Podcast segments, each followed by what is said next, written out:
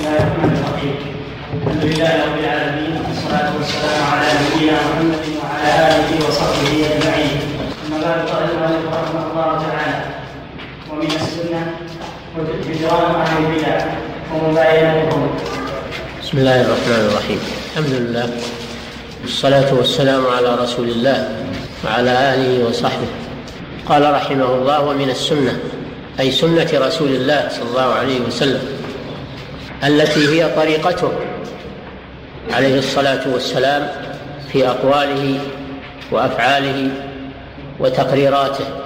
هذا هو المراد بالسنة ها هنا وليس المراد بالسنة المستحب لأن هجران أهل البدع واجب وليس بمستحب فقط ليس بمستحب فقط وإنما هو واجب. والسنة قد تطلق و... السنة الأصل أنها تطلق ويراد بها طريقة الرسول صلى الله عليه وسلم. وقد تطلق ويراد بها المستحب. ولكن الغالب أن المراد بها المعنى الأول. فإذا قيل من السنة كذا فمعناه أنه من طريقة الرسول صلى الله عليه وسلم. هجر أهل البدع. الهجر معناه الترك. الهجر معناه الترك ترك الشيء. ومنه الهجرة. من بلاد الكفر إلى بلاد الإسلام فرارا بالدين. سميت هجرة لأنها ترك للأوطان من أجل الفرار بالدين من الفتنة. قال تعالى والرجز فاهجر والرجز هو الأصنام. واهجر يعني اترك اترك الأصنام وعبادتها وأهلها. وقال عليه الصلاة والسلام والمهاجر من هجر ما نهى الله عنه يعني ترك ما نهى الله عنه. كالهجرة ترك. وهجران أهل, أهل البدع يعني ترك أهل البدع. ترك مصاحبتهم ومجالستهم وزيارتهم والتعلم منهم إلا على طريق المناصحة. على طريق المناصحة والبيان. وأما على طريق المؤانسة والمحبة فإن هذا لا يجوز لأن فيه رضا بما هم عليه من البدع وتشجيعا لهم وفيه تشجيع لهم على ما هم عليه وإقرار لهم والواجب هجرهم حتى يعرف الناس شرهم ويبتعدوا عنهم. لأن الغالب أن المبتدع لا يقبل النصيحة ولا يتوب إلى الله عز وجل لأنه يرى أن ما هو عليه هو الحق. يرى أن ما هو عليه هو الحق يزينه له الشيطان. فقل أن يقبل النصيحة وقل أن يتوب المبتدع ولهذا جاء في الأثر أن البدعة أحب إلى الشيطان من المعصية لأن المبتدع لا يتوب عن بدعته. وأما العاصي فإنه يعلم أن ما فعله حرام فيكون خجلا يوبخ نفسه ثم يتوب إلى الله عز وجل. قريب من التوبة. خلاف المبتدع فإنه يرى أن ما عليه هو الحق. فلا يرجع عن بدعته. ويرى أن ما هو عليه أنه مشروع. فلهذا كانت البدعة أحب إلى الشيطان من المعصية. لأن صاحب المعصية قريب من التوبة. ويقبل النصيحة. ويخجل ويعلم أن ما فعله حرام وأنه ليس من الدين. بخلاف المبتدع فإنه بالعكس والعياذ بالله. والبدعة فتنة عظيمة. فتنة للقلوب. إذا ما هي البدعة؟ بدعة هي إحداث شيء من الدين. إحداث شيء في الدين ليس منه. إحداث شيء في الدين ليس منه. على سبيل التقرب إلى الله عز وجل. قال صلى الله عليه وسلم من أحدث في أمرنا هذا ما ليس منه فهو رد. في رواية من عمل عملا ليس عليه أمرنا فهو رد. وقال عليه الصلاة والسلام عليكم بسنتي وسنة الخلفاء الراشدين المهديين من بعدي تمسكوا بها وعضوا عليها بالنواجذ وإياكم ومحدثات محدثات الأمور. فإن كل محدثة بدعة. وكل بدعة ضلالة. والبدعة هي المحدث في الدين مما ليس منه. على وجه التقرب إلى الله فإن الله لا يرضى أن يتقرب إليه إلا بما شرع. لا يرضى سبحانه أن يتقرب إليه بالبدع والمحدثات. هذا هو ضابط البدعة. إحداث شيء في الدين على وجه التقرب إلى الله ليس عليه دليل من الكتاب ولا من السنة لأن الدين كمل ولله الحمد. اليوم أكملت لكم دينكم وأتممت عليكم نعمتي ورضيت لكم الإسلام دينا. فما توفي رسول الله صلى الله عليه وسلم إلا بعد أن أكمل الله به الدين. فلم يبقى مجال للزيادات والاستحسانات و... فمن ابتدع بدعة فقد اتهم الدين بأنه ناقص. وكذب قوله تعالى اليوم أكملت لكم دينكم. والبدعة تنقسم إلى قسمين بدعة أصلية كأن يحدث عبادة ليس لها أصل في الدين. تعبد إلى الله بشيء ليس له أصل في الدين. كإحداث بدع الموالد هذه لا أصل لها في الدين.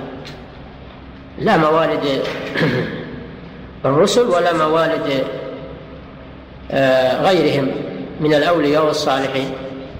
هذه بدعة لا أصل لها في الدين.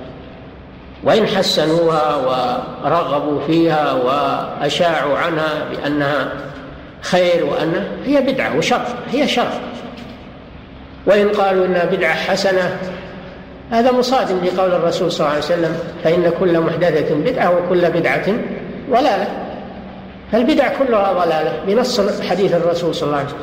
الذي يدعي أن هناك بدعة حسنة هذا مكذب لله ولرسوله.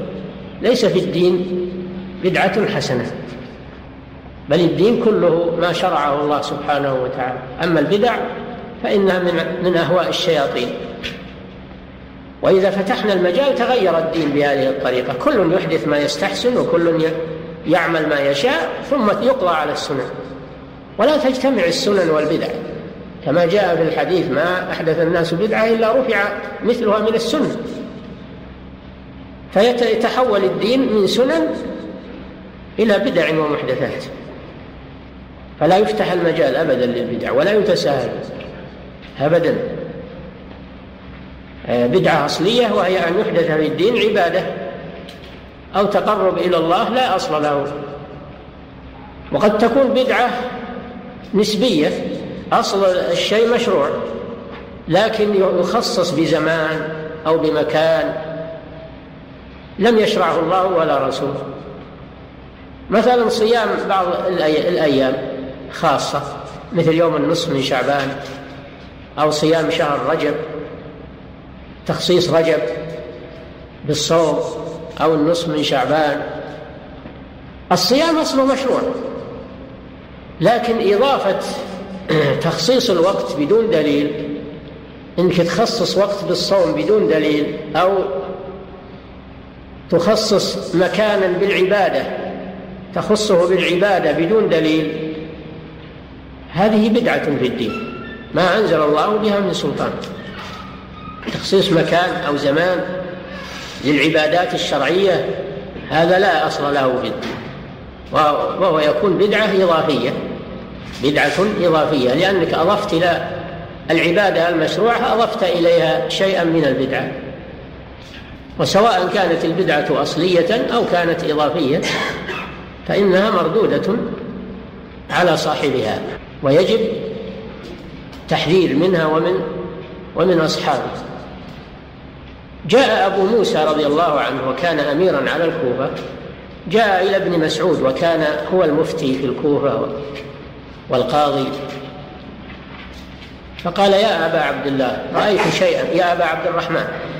قال له يا أبا عبد الرحمن رأيت شيئا استنكرته. قال وما هو؟ قال سوف تراه. فذهبوا إلى المسجد فوجدوا قوما مجتمعين. قوم مجتمعين. وعندهم أكوام من حصى وعندهم واحد يقول لهم سبحوا كذا وكذا ويعدون من الحصى هللوا كذا وكذا كبروا كذا وكذا. ويكبرون ويهللون ويسبحون ويعدون بالحصى أعدادا معينة كذا وكذا. فوقف عليهم ابن مسعود فقال لأنتم أهدى من أصحاب رسول الله صلى الله عليه وسلم أو أنكم مبتدعون بدعة عظيمة.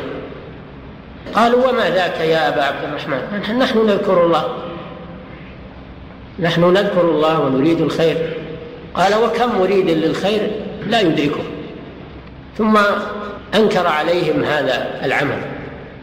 التسبيح والتهليل والتكبير مطلوب لكن بدون هذه الصفة. بدون هذا الاجتماع عقد الاجتماع وبدون عدد محدد إلا بدليل.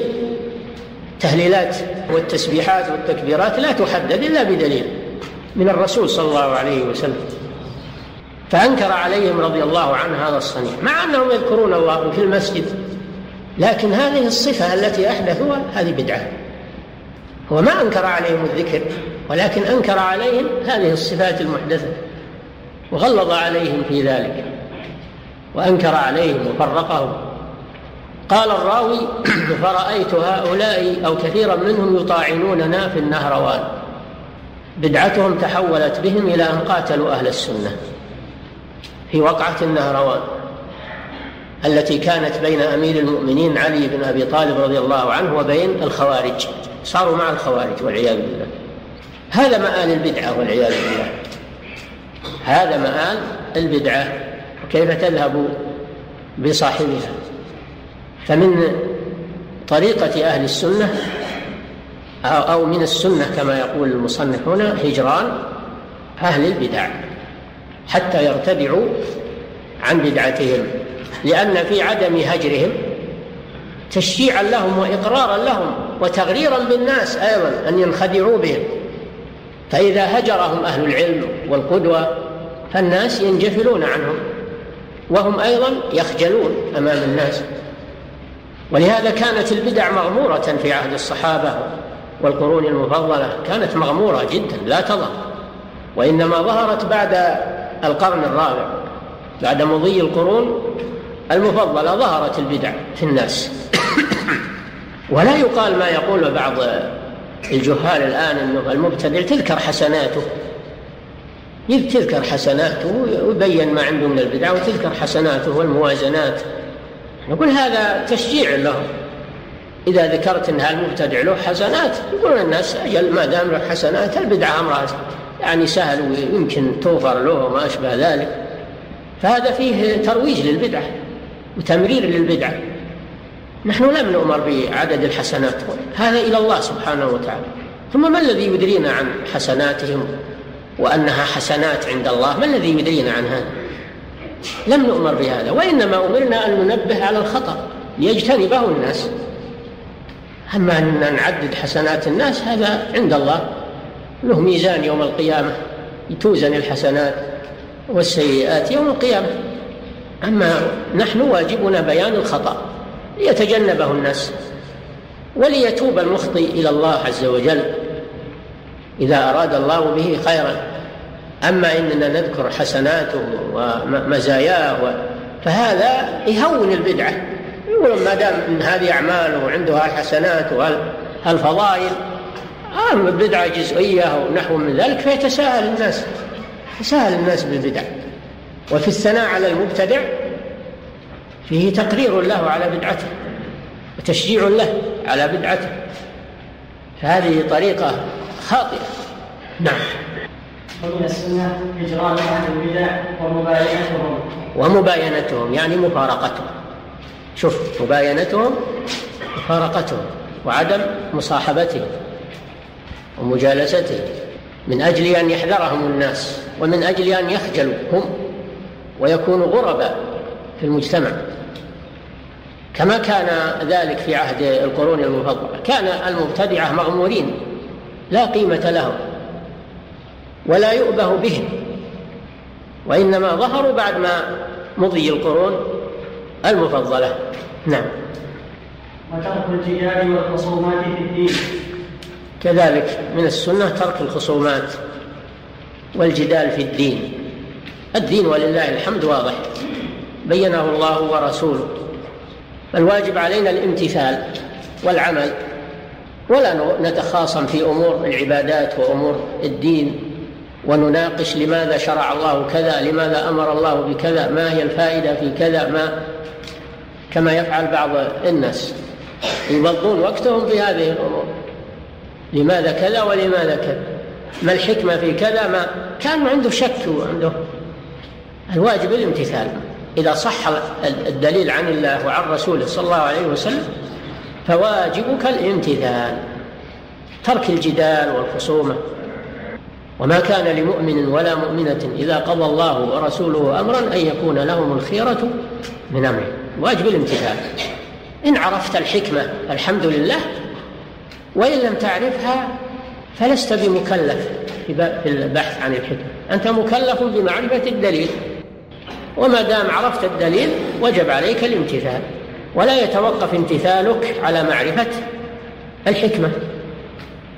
هذا سبيل المؤمنين. أما سبيل أهل الشك وأهل الضلال فهو الجدال والخصومات والنقاش مع أوامر الله وأوامر رسوله صلى الله عليه وسلم يضيع وقتهم في هذه الأمور. وترخص الأوامر والنواهي عندهم. فهذا من عمل الشيطان والعياذ بالله.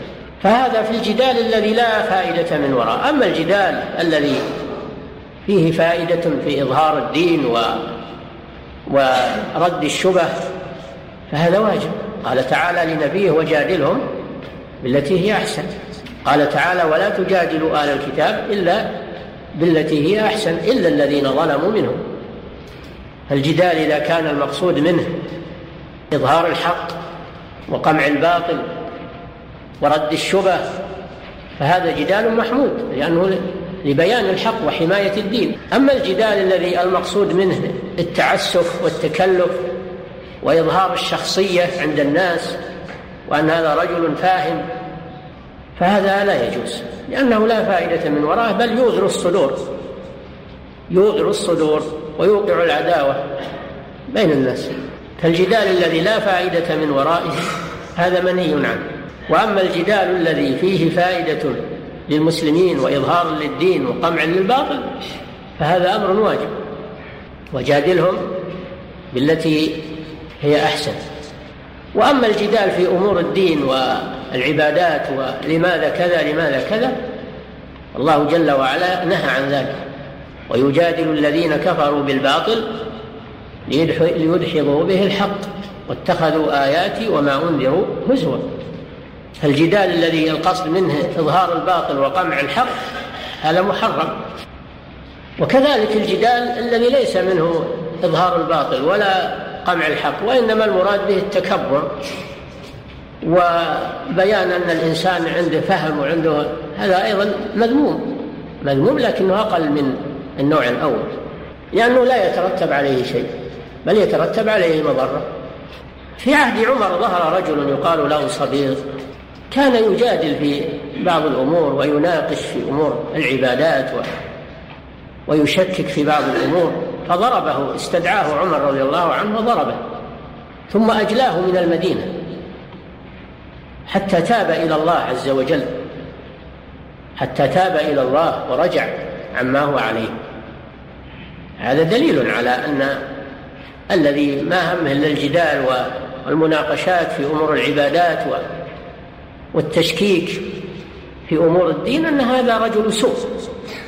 هذا هذا الذي ينبغي أنه يؤدب ويمنع من هذه الأمور والتظاهر بها أمام الناس.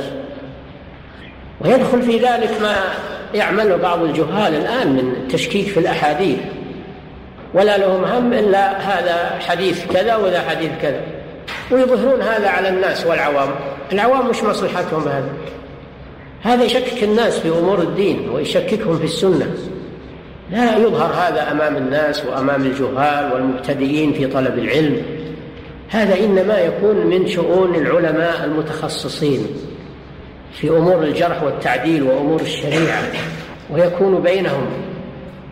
ولا يظهر للناس أمام الناس. فيجب الحذر من هذه الطريقة. نعم. ترك النظر في كتب المبتدعة والإصغاء إلى كلامهم. هذا عود على ما سبق. إذا كان الواجب هجر المبتدعة فإنه يجب هجر كتبهم أيضا لأنهم قد يكونون قد ماتوا ما هم بين أظهرنا ماتوا. لكن كتبهم باقية كتب المبتدعة باقية فلا يجوز للإنسان المبتدئ الذي ليس عنده أهلية أن يطلع على هذه الكتب لأنه يغتر بما فيها وتروج عليه. أما الإنسان المتمكن في العلم الراسخ في العلم فإن له أن يطلع على هذه الكتب من أجل أن يرد عليها ويحذر مما فيها.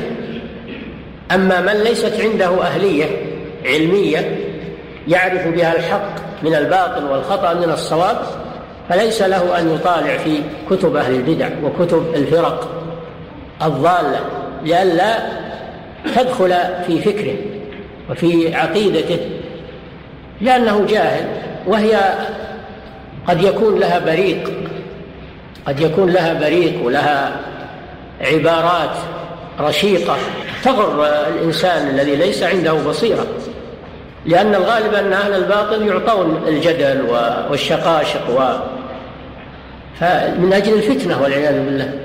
قال الله جل وعلا في المنافقين وإن يقولوا تسمع لقوله. تسمع لقوله يحسنون القول بحيث أن اللي يسمعهم يظن أنهم, إنهم على صواب. وإن يقولوا تسمع لقوله. ينمقون الكلام والحجج و ويحسنون صياغة الألفاظ. وهم منافقون في الدرك الأسفل من النار.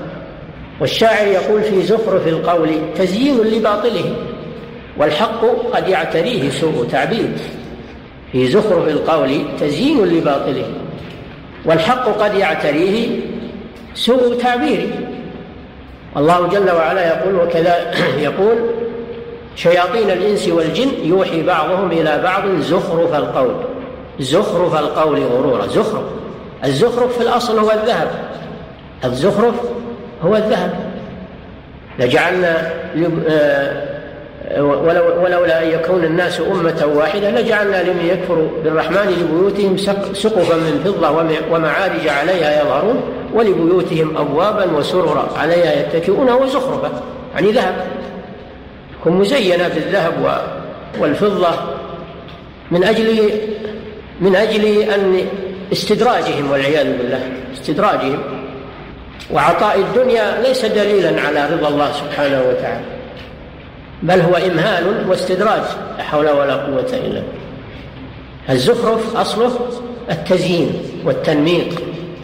فأصحاب الضلال في الغالب عندهم تزويق للعبارات وتنميق في خطبهم وفي محاضراتهم وفي كتبهم. فإذا سمعها أو قرأها الإنسان الجاهل انطلت عليه وتمكنت من قلبه فلذلك يحذر من مطالعة أهل مطالعة كتب أهل البدع.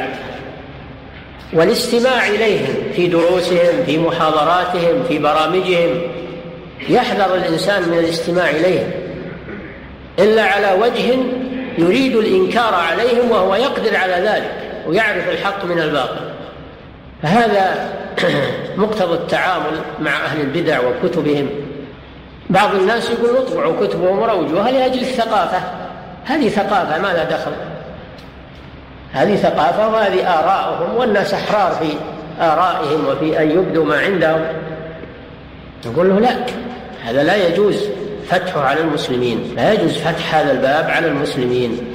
بل يجب أن تصادر كتب أهل البدع وكتب أهل الضلال أن تصادر من أسواق المسلمين ومن مكتباتهم ومن متناول أيديهم لأنها سموم.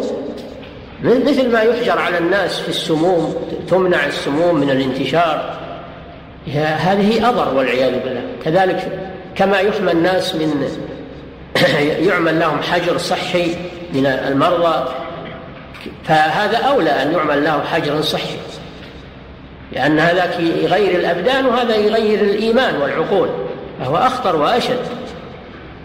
فلا نتساهل في كتب أهل البدع وكتب أهل الضلال ونقول هذه ثقافة وهذه والإنسان يصير عنده اتساع ويصير عنده اتساع فكر وعقل وعنده اتساع عطن لا يضيق هذا كله من الدعاية للباطل.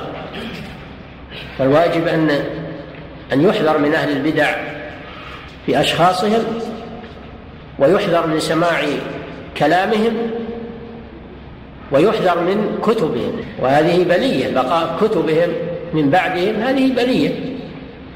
ما نقول إنهم ماتوا وراحوا. هم وإن ماتوا بأبدانهم إلا أن أفكارهم موجودة في هذه الكتب. ولها زباين يروجونها.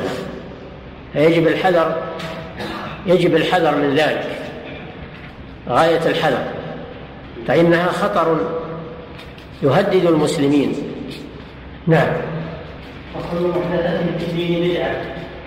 لما حذر من البدع والمبتدعة أراد أن يبين ما هي البدعة. ضابط البدعة ما هو؟ قال كل محدثة في الدين. كل محدثة في الدين فإنها بدعة. لأن الدين لا يقبل البدع. الدين هو ما شرعه الله ورسوله فقط. ولا يقبل ما شرعه فلان أو قاله فلان إلا بدليل من كتاب الله وسنة رسوله صلى الله عليه وسلم. كل محدثة في الدين فإنها بدعة. أما المحدثات في أمور العادات وأمور المنافع فالأصل فيها الإباحة والحمد لله. حدث أشياء من الصناعات والاختراعات لم تكن موجودة من قبل. ما نقول إن هذه بدع هذه مما أباح الله سبحانه وتعالى. لأن هذه ما هي من أمور الدين هذه من أمور العادات. وأمور المصالح التي خلقها الله لعباده. نحن نركب الطائرة والسيارة والباخرة ونستعمل مكبرات الصوت والمسجلات. كل هذه هذه مخترعات ما هي من الدين. هذه. إنما هي وسائل وسائل نفع للناس. ومن استخدمها في الخير صارت نعمة وعونا على طاعة الله. ومن استعملها في الشر فهذا من سوء تصرفه هو. وإلا هي مصالح. هي مصالح للناس. فالحاصل أن البدعة هي ما أحدث في الدين. أما ما أحدث في أمور العادات وأمور الصناعات وأمور الدنيا هذه ليست من البدع. نعم. الملابس الأشياء التي أباح الله ليست من هذا يخضع للعادات ويخضع للإمكانيات في كل وقت بحسبه. الصحابة كانوا يجاهدون بالرمح وبالسهام والنبل والسيوف. الآن حدث ما تعلمون من الأسلحة المتطورة. الصواريخ والطائرات والدبابات والقنابل. حدث أشياء لم تكن موجودة من قبل. هل نقول أن هذه بدع ولا نبية؟ لا يجب علينا أننا نأخذ منها ما يعيننا على قمع عدونا. قال تعالى وأعدوا لهم ما استطاعتم من قوة ومن رباط الخيل من قوة هذه نكرة في سياق الأمر فتعم كل قوة. وفي كل وقت بحسبه وإمكانياته. ولا لو بقينا على الرمح والنبل والسيف مع وجود هذه الأسلحة المدمرة والفتاكة لا لما أغنت عنا شيئا. إلا يمكن تدفع شيء يسير لكن ما تدفع هجوم العدو وقوة العدو. ما تدفع إلا بمثلها أو أشد أو أشد منها. ولهذا قال جل وعلا وأعدوا لهم ما استطعتم. شوف ما استطعتم. ولم يحدد. من قوة. ومن رباط الخير. لأن الخير فيها الخير إلى يوم القيامة كما قال صلى الله عليه وسلم. معقود بنواصيها الخير إلى يوم القيامة. فهي آلة جهاد وهي ترهب العدو. ومن رباط الخيل ترهبون به عدو الله وعدوكم وآخرين من دونهم لا تعلمونهم. الله يعلمهم فيها أعداء مندسون بيننا. لا نعلمهم. فإذا أعددنا القوة أغضناهم. وإذا أعددنا القوة أغضنا العدو الخارجي والعدو الداخلي. أما إذا لم نعد القوة فرح العدو الخارجي والعدو الداخلي. فلا بد من القوتين. قوة الحجة وذلك بالعلم النافع وقوة السلاح وذلك بإعداد آلات الجهاد المتطورة في كل زمان بحسبه. قال تعالى يا أيها النبي جاهد الكفار والمنافقين واغلظ عليهم المنافقون يجاهدون بالحجة واللسان والكافرون يجاهدون بالسيف والسنان. نعم. وكل متسمي بغير الإسلام والسنة دع أيضا تسمي بغير الإسلام والسنة كالذي ينتسب إلى مبدأ أو إلى مذهب أو إلى شخص غير رسول الله صلى الله عليه وسلم كما يأتيكم الأمثلة على هذه الأمور. فالانتساب إنما يكون إنما يكون إلى أهل السنة والجماعة والاتباع لرسول الله صلى الله عليه وسلم. هذا هو الانتساب الصحيح. أما الانتساب للفرق والنحل والمذاهب والمبادئ المخالفة للكتاب والسنة فإن هذا ضلال. نعم. وكل متسم بغير الإسلام والسنة مبتدع كالرافضة. كالرافضة. الرافضة طائفة من الشيعة يقال لهم الرافضة. ويقال لهم الجعفرية والموسوية. سموا بالرافضة لأنهم جاءوا إلى إلى زيد بن علي بن الحسين بن علي بن أبي طالب رضي الله عنهم فقالوا له تبرأ من أبي بكر وعمر. قال لا لا أتبرأ منهما بل هما صاحب صاحب جدي ووزيراه يعني رسول الله صلى الله عليه وسلم. ووزيراه ومستشاراه. قالوا إذا نرفضك. إذا نرفضك يعني نتركك ولا نتبعك. فسموا بالرافضة. سموا بالرافضة. لأنهم رفضوا زيد بن علي من من أئمة أهل البيت. سموا بالرافضة. والذين ينتسبون إلى زيد من الشيعة يقال لهم الزيدية. الذين ينتسبون إلى زيد. ما نقول يتبعون زيدا رضي الله عنه بل ينتسبون إليه مجرد انتساب. هؤلاء يقال لهم الزيدية. والذين ينتسبون إلى جعفر الصادق ابن محمد الباقر ابن علي بن الحسين هؤلاء يقال لهم الجعفرية. وهؤلاء منتسبون فقط ليسوا على مذهب جعفر الصادق رحمه الله لأنه من علماء أهل السنة.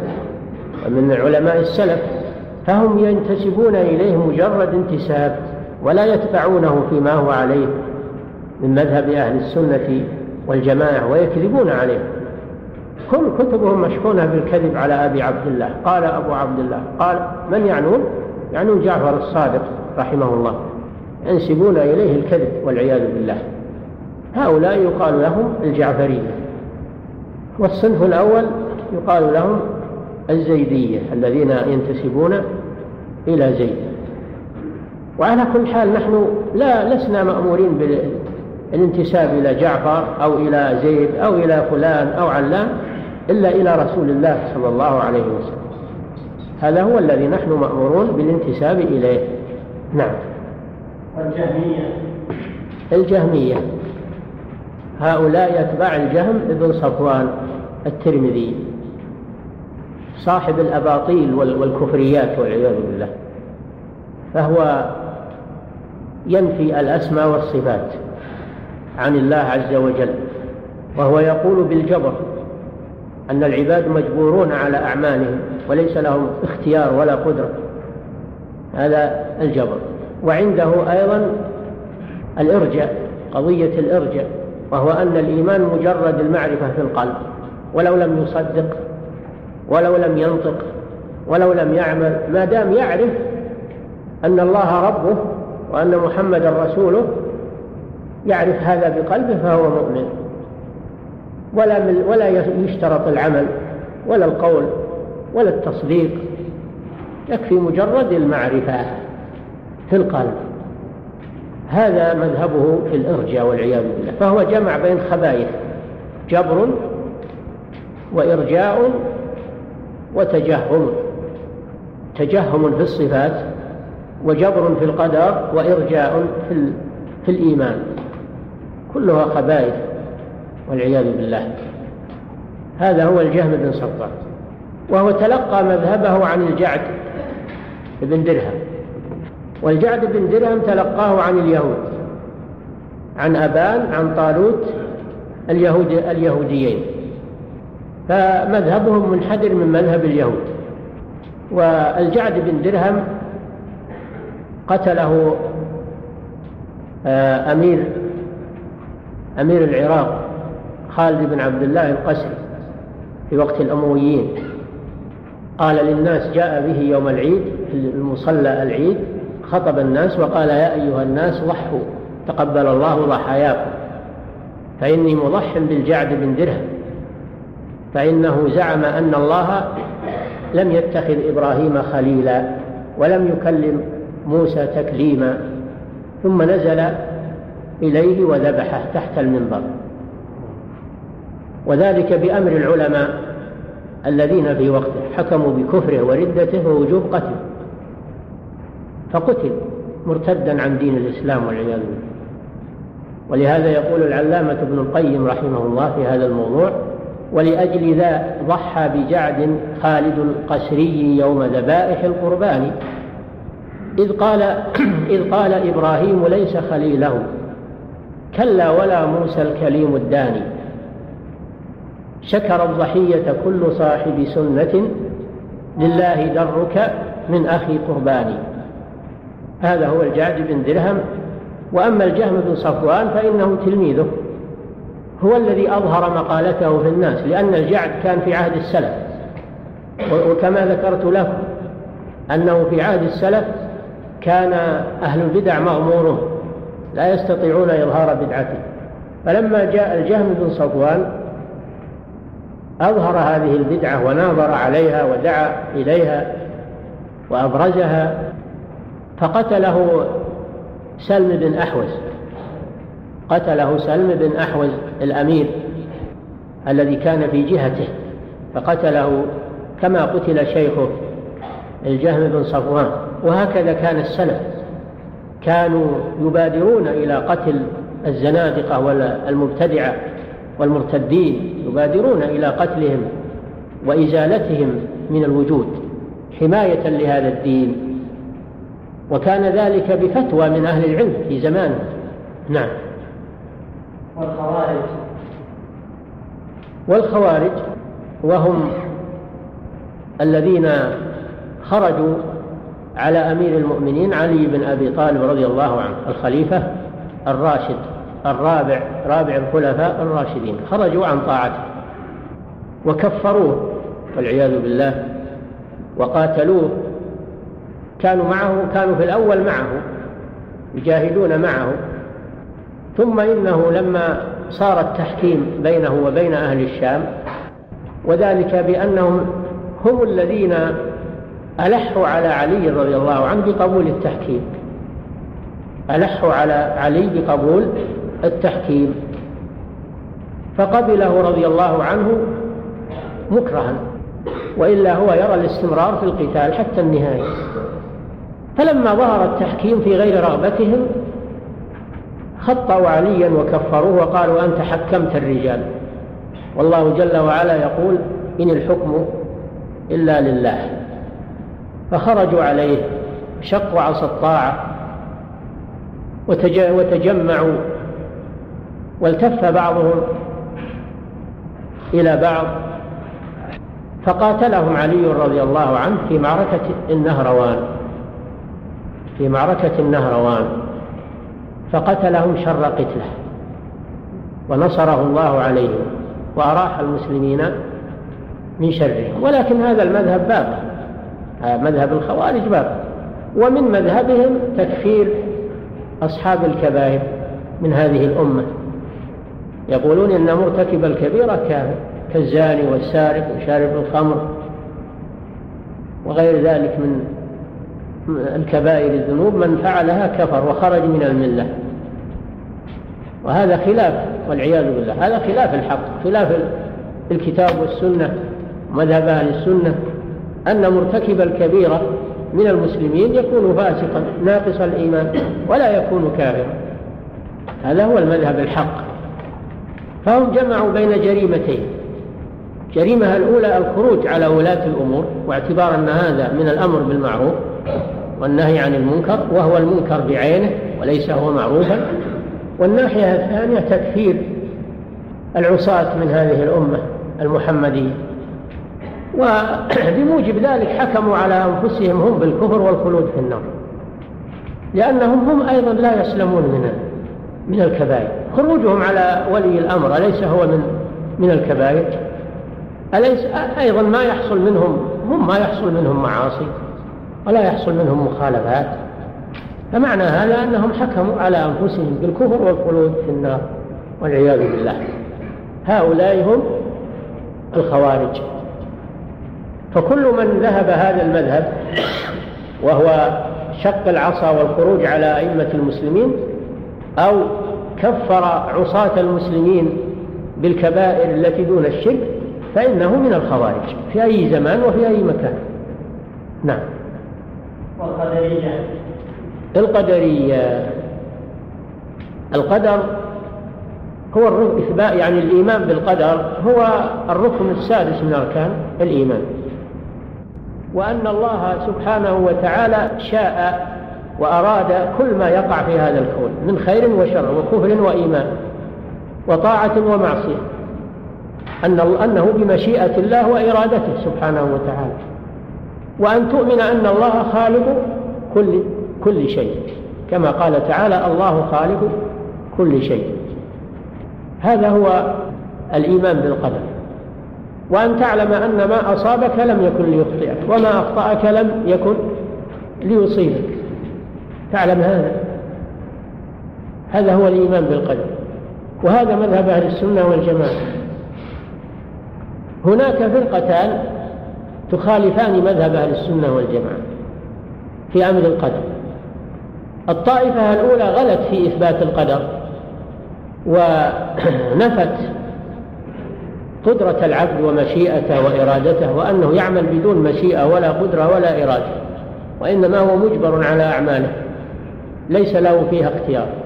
هؤلاء يقال لهم الجبرية غلوا في الإثبات غلوا في إثبات القدر ونفوا إرادة العبد ومشيئة العبد.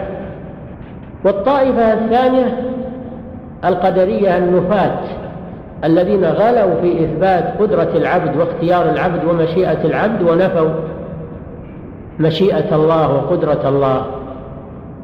هؤلاء غلوا في جانب وهؤلاء غلوا في جانب. هؤلاء غلوا في إثبات مشيئة الله وإرادته حتى نفوا مشيئة العبد. وهؤلاء غلوا في إثبات مشيئة العبد ونفوا مشيئة الله وإرادة الله سبحانه وتعالى. وهؤلاء هم القدرية بفرقتيهم الغلاة والنفاة. ومذهب أهل السنة والجماعة معلوم إثبات القدر وأن لله مشيئة وإرادة وأن كل شيء بمشيئة الله وإرادته وأن للعبد مشيئة وله إرادة وله اختيار يثاب عليه أو يعاقب. هذا مذهب أهل السنة والجماعة. ومن خالفهم يقال لهم القدرية لأنهم خالفوا في القدر. نعم. والمرجئة.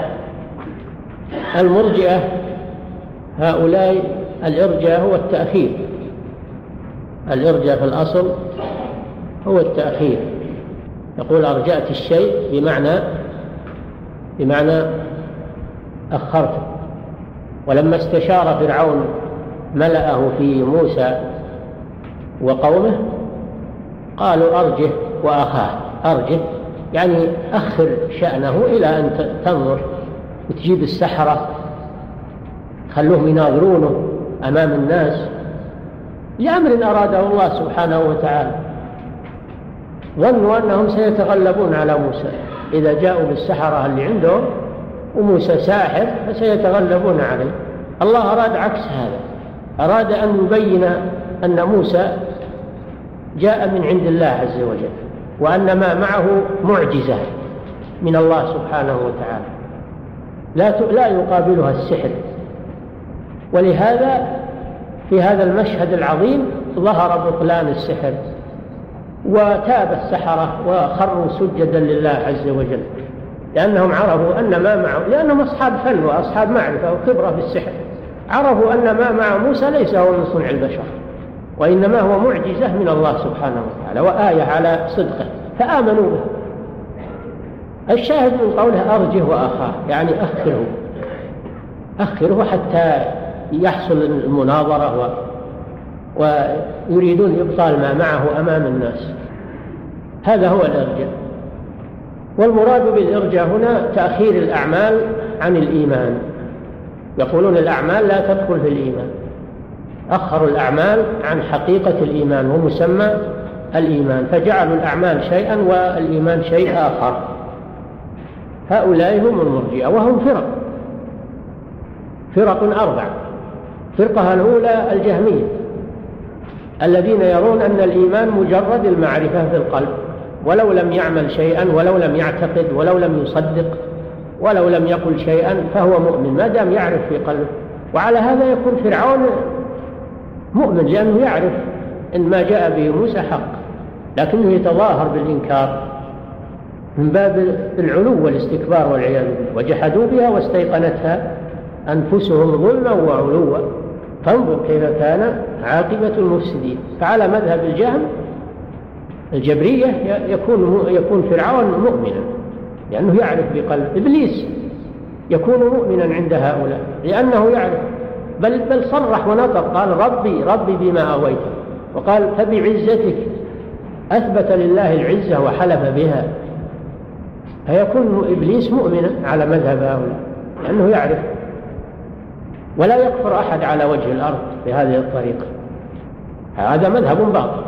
وهذا أقبح الإرجاء الفرقة الثانية الذين يرون أن الإيمان هو مجرد التصديق بالقلب. ما يقولون ما تكفي المعرفة؟ لا بد من التصديق بالقلب. ولو لم ينطق بلسانه ولو لم يعمل بجوارحه ما دام مصدقا بقلبه بالله وبرسوله وبدينه فهو مؤمن. كامل الإيمان. وهذا قول الأشاعرة. قول الأشاعرة ومن وافقهم من علماء الكلام. فالإيمان عندهم مجرد التصديق بالقلب. الطائفة الثالثة الذين يقولون إن الإيمان مجرد القول ولو لم يعتقد بقلبه. إذا نطق بلسانه فهو مؤمن ولو لم يعتقد بقلبه. وهذا قول الكر الكرامية أتباع محمد بن كرام. الكرامية أتباع محمد بن كرام. الذي سيأتي ذكره الفرقة الرابعة من المرجئة الذين يقولون إن الإيمان هو التصديق بالقلب والنطق باللسان. أما العمل بالجوارح فهذا ليس من الإيمان. وإنما هو شرط للإيمان أو مكمل للإيمان وليس هو من حقيقة الإيمان. وهؤلاء يقال لهم مرجئة الفقهاء لأن عليه كثير من الحنفية. هذا مذهبهم. أن الإيمان قول باللسان واعتقاد بالقلب. وأما الأعمال فلا تدخل في حقيقة الإيمان. إذا نجد أن أن المرجئة بجميع فرقهم الأربع كلهم أخرجوا الأعمال عن مسمى الإيمان. وعندهم أن الإيمان شيء واحد لا يزيد ولا ينقص. وأن إيمان جبريل مثل إيمان أفسق الناس. لا يزيد الإيمان ولا ينقص عندهم. بل بعضهم يقول لا يضر مع الإيمان معصية كما لا يضر مع الكفر طاعة. هذا من فروع مذهبهم الباطل. أما أهل السنة والجماعة فكما درستم يقولون الإيمان قول باللسان واعتقاد بالقلب وعمل بالجوارح يزيد بالطاعة وينقص بالمعصية فليس إيمان الناس على حد سواء. بعضهم أكمل إيمانا من بعض وبعضهم أنقص. هذا هو القول الحق الذي يجمع بين الأدلة من كتاب الله وسنة رسوله صلى الله عليه وسلم. نعم. والمعتزلة المعتزلة هم الذين نسبة إلى إلى واصل بن عطاء شيخهم ورئيسهم وكان في مجلس الحسن البصري رحمه الله إمام التابعين فسئل الحسن عن مرتكب الكبيرة. فقال هو مؤمن ناقص الإيمان. فقال واصل بن عطاء لا أنا لا أقول هو مؤمن ولا أقول كافر أقول هو بالمنزلة بين المنزلتين وإن مات ولم يتب فهو كافر مخلد في النار اعتزل مجلس الحسن وانضم إليه طائفة من أتباعه فسموا بالمعتزلة من ذاك من ذاك الوقت. ومذهبهم قريب من مذهب الخوارج. في الإيمان. يقولون إن مرتكب الكبيرة ليس بمؤمن خارج من الإيمان لكنه لا يدخل في الكفر بل يكون في المنزلة؟ بين المنزلتين وإن مات ولم يتب فهو كافر كما يقوله الخوارج وهو مخلد في النار.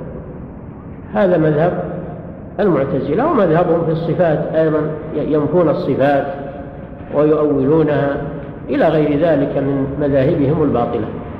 هؤلاء هم المعتزلة. نعم. الكرامية. الكرامية أتباع محمد بن كرام وكان يغلو في إثبات الصفات إلى حد التشبيه والتجسيد فعنده غلو في إثبات الصفات إلى حد التشبيه. نعم. الكلابية. أتباع عبد الله بن سعيد بن كلاب. أتباع عبد الله بن سعيد بن كلاب وهذا عليه غالب الأشاعرة وكل الأشاعرة اليوم.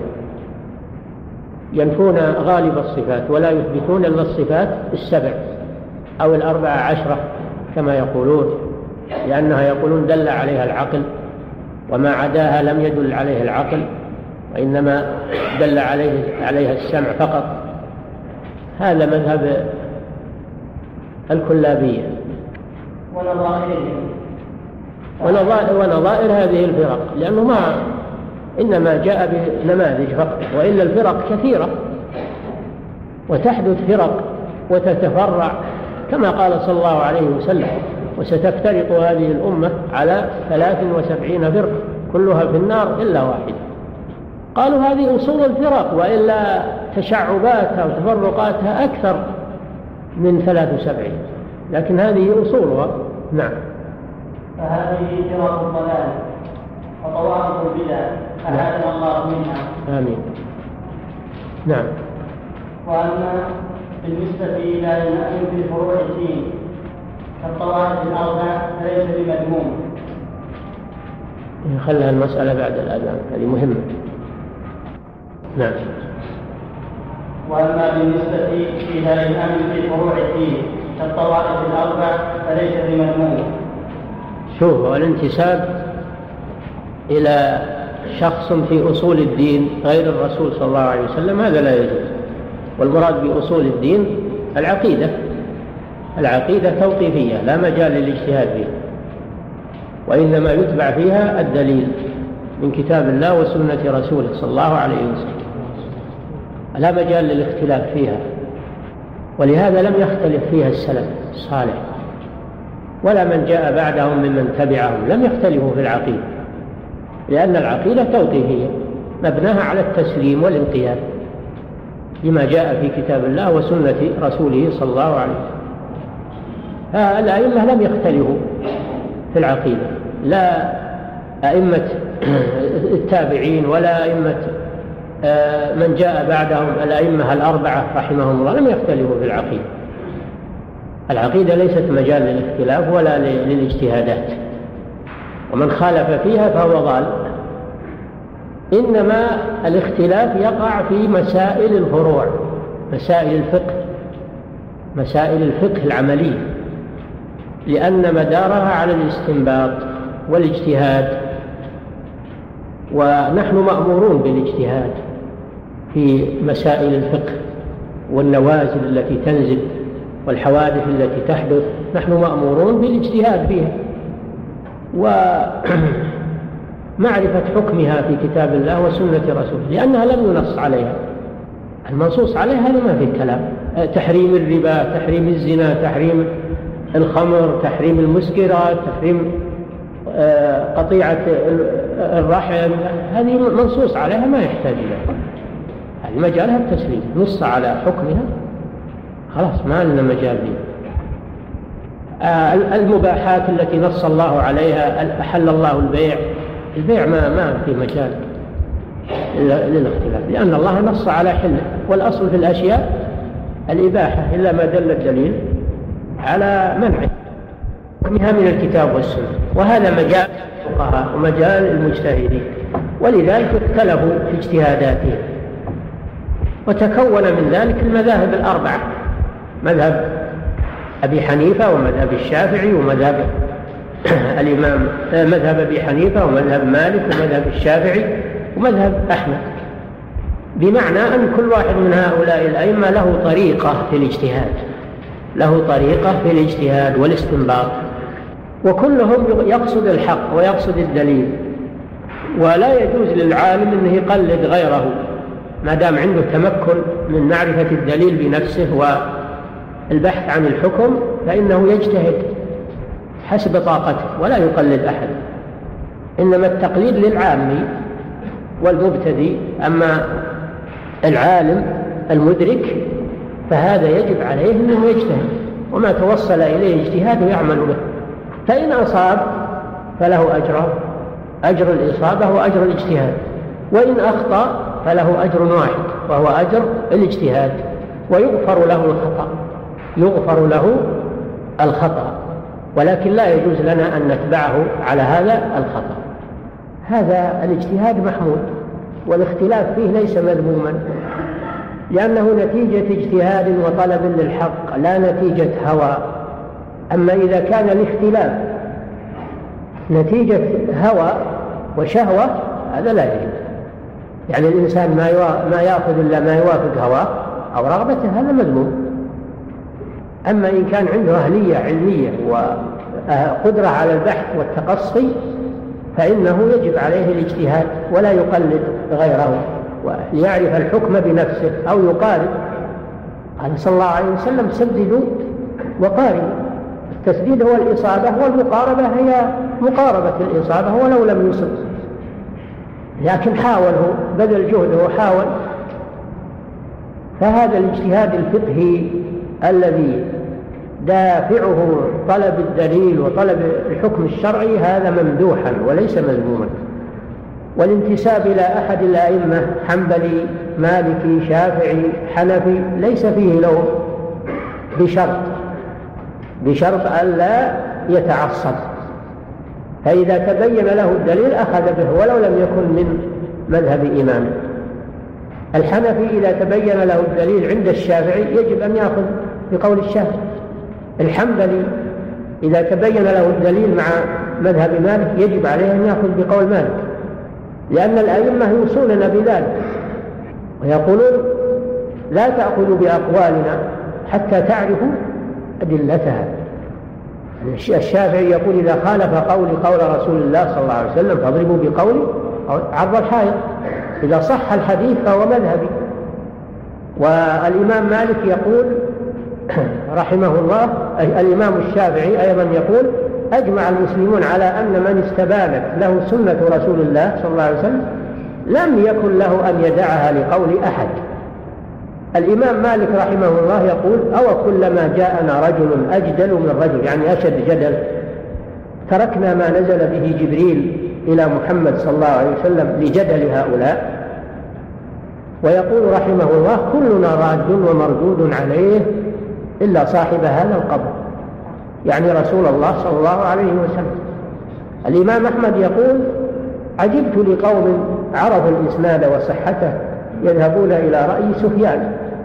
والله تعالى يقول فليحذر الذين يخالفون عن أمره أن تصيبهم فتنة أو يصيبهم عذاب أليم. أتدري ما الفتنة؟ الفتنة الشرك. لعله إذا رد بعض قوله أن يقع في قلبه شيء من الزيغ فيهلك. هذه أقوال الآئمة رحمه الله.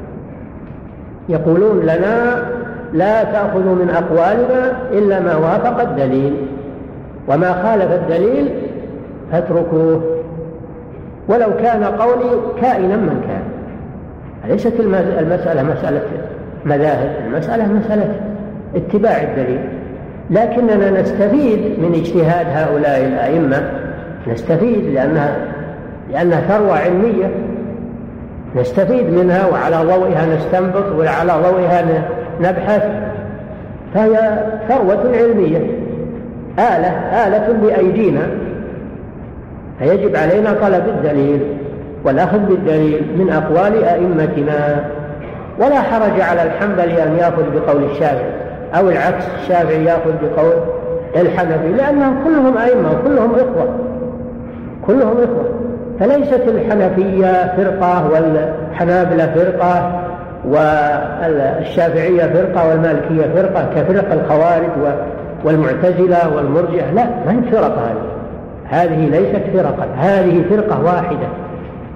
كلهم فرقة واحدة على الحق. وقد يخطئ بعضهم في المسائل الاجتهادية فيترك خطأه ويؤخذ ما أصاب فيه. هذا هو الواجب. فيجب معرفة هذا الحكم أيضا لأنه مهم جدا. وليس هو من الانتساب المذموم الذي نبه عليه فيما مضى انتساب للجهمية أو للخوارج أو أو للمعتزلة أو للشيعة أو المرجئة أو إلى آخره. ليس هذا منه. لأن ذاك اختلاف في الأصول والعقيدة وهذا اختلاف في الفقه ومسائل الاستنباط. وهذا خير ومجال واسع والحمد لله. نعم. فإن الاختلاف في الفروع رحمة أي نعم لأن الله وسع على الناس وأمرهم أن يجتهدوا في طلب الحق ولم يضيق عليهم ويكلفهم بالأخذ بقول واحد بل أمرهم بالاجتهاد وبذل الوسع في معرفة الحكم الشرعي. نعم. والمختلفون فيه محمودون في اختلافهم. المختلفون فيه فيه لاحظ فيه يعني في هذا النوع وهو الاختلاف الفقهي. المختلفون فيه محمودون لا مذمومون لأنهم مأذون لهم بالاجتهاد ولا يمكن للمجتهدين أنهم يكونون على وتيرة واحدة. المدارك تختلف والعلوم تختلف والأحوال تختلف.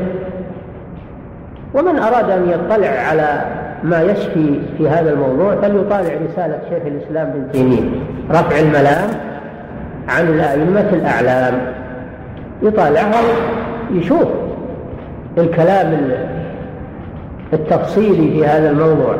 نعم. فنحن لا نجمد على تقليد مذهب معين ولكننا لا نزهد بما فيه من الخير وما فيه من الفقه وما فيه من الأصول. التي نستفيد منها. نعم. والمختلفون فيه محمودون في اختلافهم والمختلفون في اجتهادهم نعم. واختلافهم رحمة واسعة. اختلافهم رحمة يعني في اختلافهم يعني في الفقه. اختلافهم في الفقه. والاستنباط رحمة واسعة موسع الله على الناس. ولم يأمرهم بيضيق عليهم بأن يأخذوا بقول واحد من من المجتهدين يخطئ أو يصيب لا. هذا رحمة من الله عز وجل. نعم. حجة قاطعة لا شك الإجماع حجة وهو أحد الأدلة. هو أحد أصول الأدلة. الأدلة المتفق عليها أولا الكتاب ثانيا السنة ثالثا الإجماع. هذه الأصول متفق عليها بين الأمة الإسلامية. والرابع القياس. وهذا محل خلاف. قال به جمهور أهل العلم وخالف فيه بعض العلماء كالظاهرية ونحوه. وكذلك هناك أصول مختلف فيها أصول مختلف فيها موضعها كتب أصول الفقه. نعم. لكن هذه الثلاثة مجمع عليها الكتاب والسنة والإجماع. هذه متفق عليها نعم. نسأل الله أن يعصمنا من البدع والفتنة. آمين. ويحيينا على الإسلام والسنة. آمين. ويجعلنا ممن يتبع رسول الله صلى الله عليه وسلم في الحياة. آمين. ويحشرنا في ذرته بعد الممات. آمين. برحمته وفضله. آمين. آمين. وهذا أخذ المعتقد والحمد لله وحده. وصلى الله على سيدنا محمد وآله وصحبه وسلم تسليما. اللهم جزاه الله خيرا على ما قدم وأبدى. في هذه العقيدة الطيبة وما بين فيها ثم ختمها بهذا الدعاء العظيم الذي نسأل الله جل وعلا أن يتقبل منا ومنه وأن يثبتنا وإياكم على الحق إلى يوم نلقاه. صلى الله وسلم على نبينا محمد وعلى آله وصحبه. وتكون الدروس في بقية الأيام في الفقه على لأجل أن نخلص منه إن شاء الله. يعني يكون درس الليلة إن شاء الله في الفقه. من أجل أن نخلص يكون في الفقه حصتان حصة الليلة هذه حصة في مكانها ليلة الأربعاء علشان نخلص كتاب شرح العمدة إن شاء الله. نعم.